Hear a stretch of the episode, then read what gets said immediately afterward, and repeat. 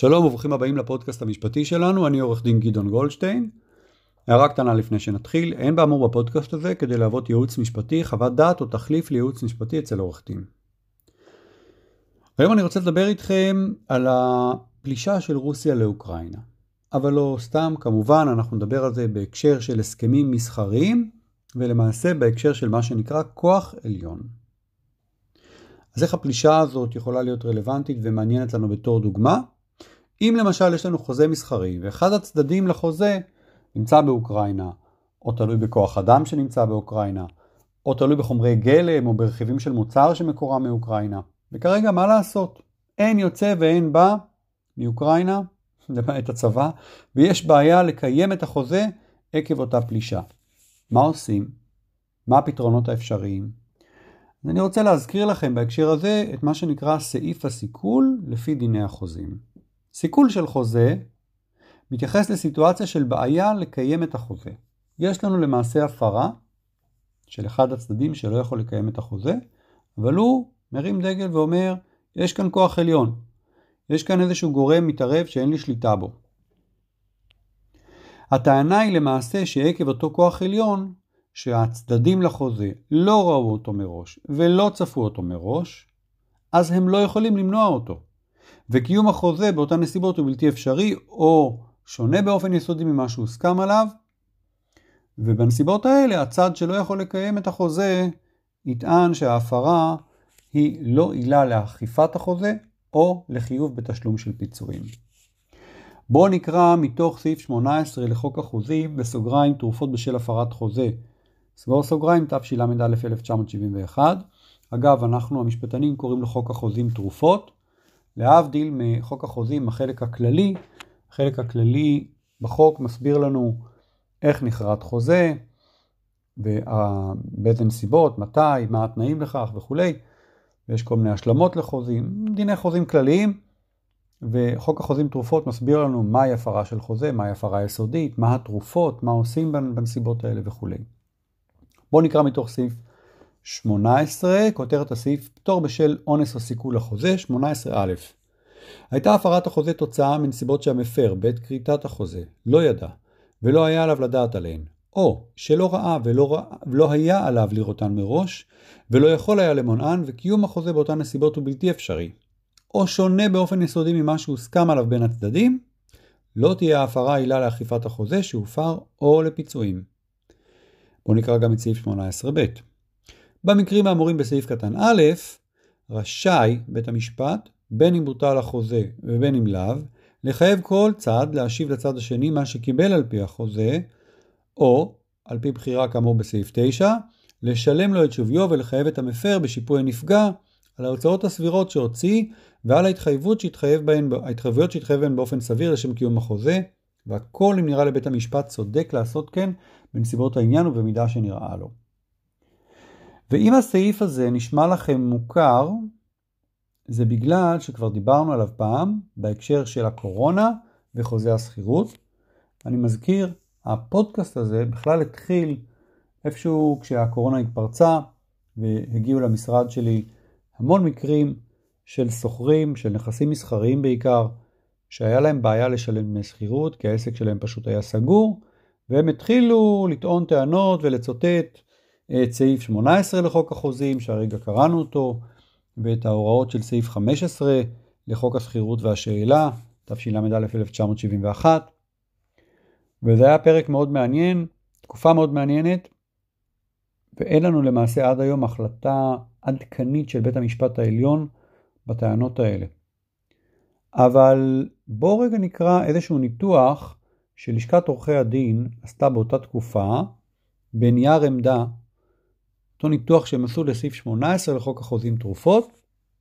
נייר העמדה נקרא השלכות משפטיות חוזיות של מגפת ה-COVID-19, סיכול התאמת חוזה לנסיבות משתנות, תום לב, פרשנות וכוח עליון.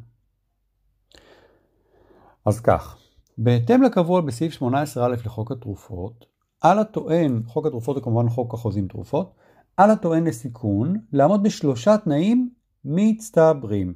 א', היעדר צפיות. היעדר ידיעה או יכולת של המפר לצפות סובייקטיבית ואובייקטיבית במועד כריתת החוזה את הנסיבות המסכלות. ב. בלתי נמנע. היעדר יכולת של המפר למנוע את הנסיבות המסכלות. ג. התרחשות נסיבות מסכלות. בזמן, בזמן המיועד לביצוע החוזה, הביצוע אינו אפשרי, או שהוא שונה באופן יסודי מכוונות והסכמות הצדדים במועד כריתת החוזה. מה שמעניין יותר מבחינתי, אה, משלושת המבחנים האלה, הוא אותו מבחן של הצפיות. בואו ניקח רגע את הדוגמה של הפלישה לאוקראינה, ונראה איך אנחנו מיישמים את זה. אז האם הפלישה הזאת הייתה צפויה? ואם היא הייתה צפויה, מתי היא הייתה צפויה?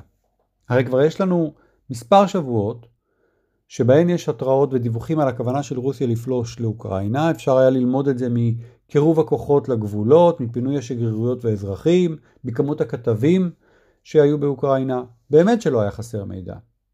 אפשר לומר שבשבועות האחרונים כבר ניתן היה לצפות לפלישה כלשהי. ומה המשמעות?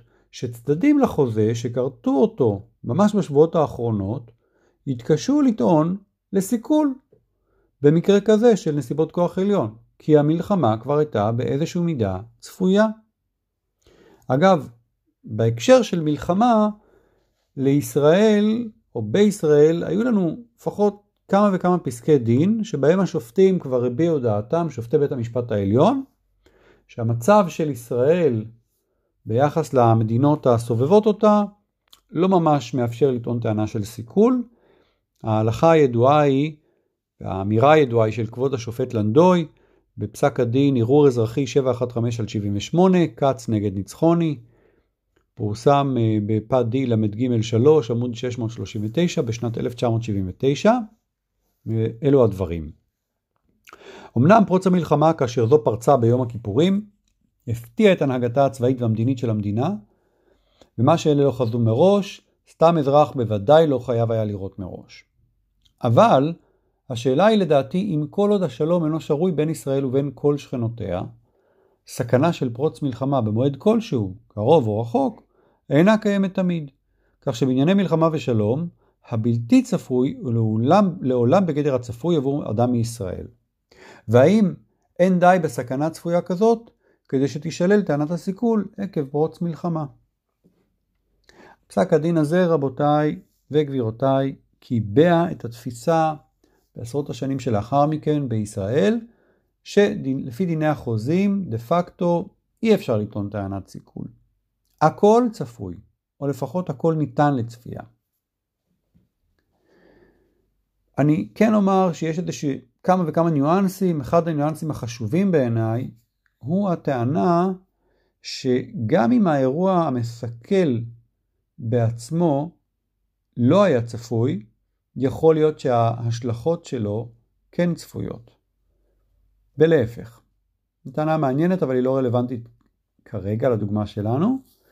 בכל זאת בוא נבין מה זה אומר. אם מישהו הצליח להוכיח טענה של סיכול, כלומר, אם מישהו עמד באותם שלושה תנאים, היעדר צפיות, העובדה שזה בלתי נמנע והתרחשות הנסיבות המסכלות, מה בעצם ההגנה שעומדת לו?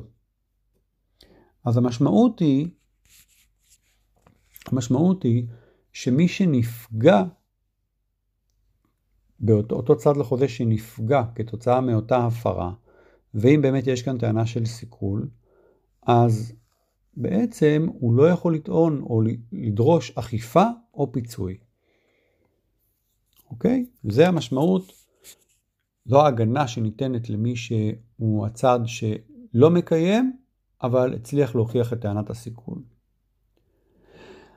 מה קורה בכל זאת אם אותם צדדים, בדוגמה שלנו, רצו לכרות חוזה עסקי כלשהו, וחששו ממצב של מלחמה באוקראינה? איך אפשר לטפל בזה בכל זאת?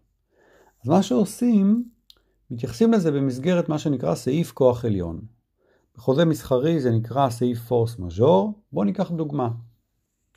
דוגמה לסעיף כזה שמטפל ומחריג את הנושא של מלחמה, או מכליל את הנושא של מלחמה ככוח עליון. Force majeure. No party shall be liable for the delay in performance or failure to perform this agreement. If such delay or failure is due to any occurrence beyond the control of the parties, including, without limitation, fire, explosion, weather, disease, war, civil strife, riots, government action, or power failure, provided, however, that the party who is unable to perform resumes performance as soon as possible following the end of the occurrence causing delay or failure. כלומר, אם יש לי סעיף כוח עליון או סעיף פורס מז'ור באותו הסכם, ויש בו התייחסות מפורשת לנושא של מלחמה, אז למפר אה, לא תהיה בעיה לטעון יש לי כאן כוח עליון. אוקיי? אה, אז עכשיו נשאלת השאלה, אם כך, בוא נכניס סעיף כזה בכל חוזה. ובוא לא רק נצמצם אותו, אלא להפך, נרחיב את הסעיף הזה ואת הנוסח שלו, שיכלול כל דבר, לא רק מלחמה, אלא מבצעים צבאיים, כמו שרצוי, או כמו שנהוג לנסח בישראל. מבצע צבאי, הרי לא כל מלחמה היום קוראים לה מלחמה, קוראים לזה מבצע, אוקיי? או שם, או נגיד לא רק שביתות, אלא גם עיצומים ושיבושים ושביתה חלקית ו, ואני לא יודע מה. ואנחנו יכולים למשל לפגוש סעיפים שהם רחבים, רחבים מאוד, ואז יש לנו איזושהי בעיה. אחד, כי אם הסעיפים האלה יהיו רחבים וגורפים מדי, יכול להיות שאם מקרה כזה יגיע לבית המשפט, בית המשפט יתערב ויצמצם אותו, את נוסח הסעיף. דבר שני, אנחנו כורתים הסכמים כדי שתהיה לנו איזושהי ודאות וחיתוך סיכונים במועד חתימת ההסכם. אנחנו לא רוצים לאפשר לצד השני בהסכם לא לקיים אותו ולדחות אותו עוד ועוד ועוד עד בלי די מכל סיבה שהיא. אז צריך לעשות חשיבה מה רלוונטי ולהתחשב בו ככוח עליון ולהכליל אותו ככוח עליון ומה פחות רלוונטי, אבל לא לאפשר לכל אירוע לדחות את קיום החוזה, מבלי שזה ייחשב הפרה כמובן. אגב, אולי נסיים בזה, הרבה פעמים אני רואה סעיפים כאלה בחוזה מכר של דירות מקבלן. שם אנחנו מקבלים חוזים, בדרך כלל חוזים מאוד ארוכים, מאוד מסורבלים, חוזים אחידים, שיש בהם סעיפי כוח עליון מאוד מאוד רחבים. כשאתה יודע איפה הסעיף מתחיל, אתה לא יודע איפה הוא נגמר, הוא כולל כל דבר תחת השמש, שמאפשר בעצם לקבלן לדחות את מועד המסירה כתוצאה מכוח עליון, שהוא יכול להיות באמת, כל, היום גם מקובל גם להוסיף כמובן את הקורונה ככוח עליון, אבל מלחמות ושיבושים ועיצומים וחוסר במלאי ו, ומה שאתם לא רוצים. וצריך לדעת, עורך דין טוב צריך לדעת איך לצמצם את זה למה סביר ומה לא סביר. על מנת שהקבלן לא יוכל להסתתר מאחורי סעיפים גורפים שיאפשרו לו איחור במסירה עד בלי די, מבלי שזה ייחשב כאיחור. זהו חברים, עד כאן להפעם על כוח עליון בהקשר של המלחמה באוקראינה. תודה ולהתראות, אני עורך דין גדעון גולדשטיין.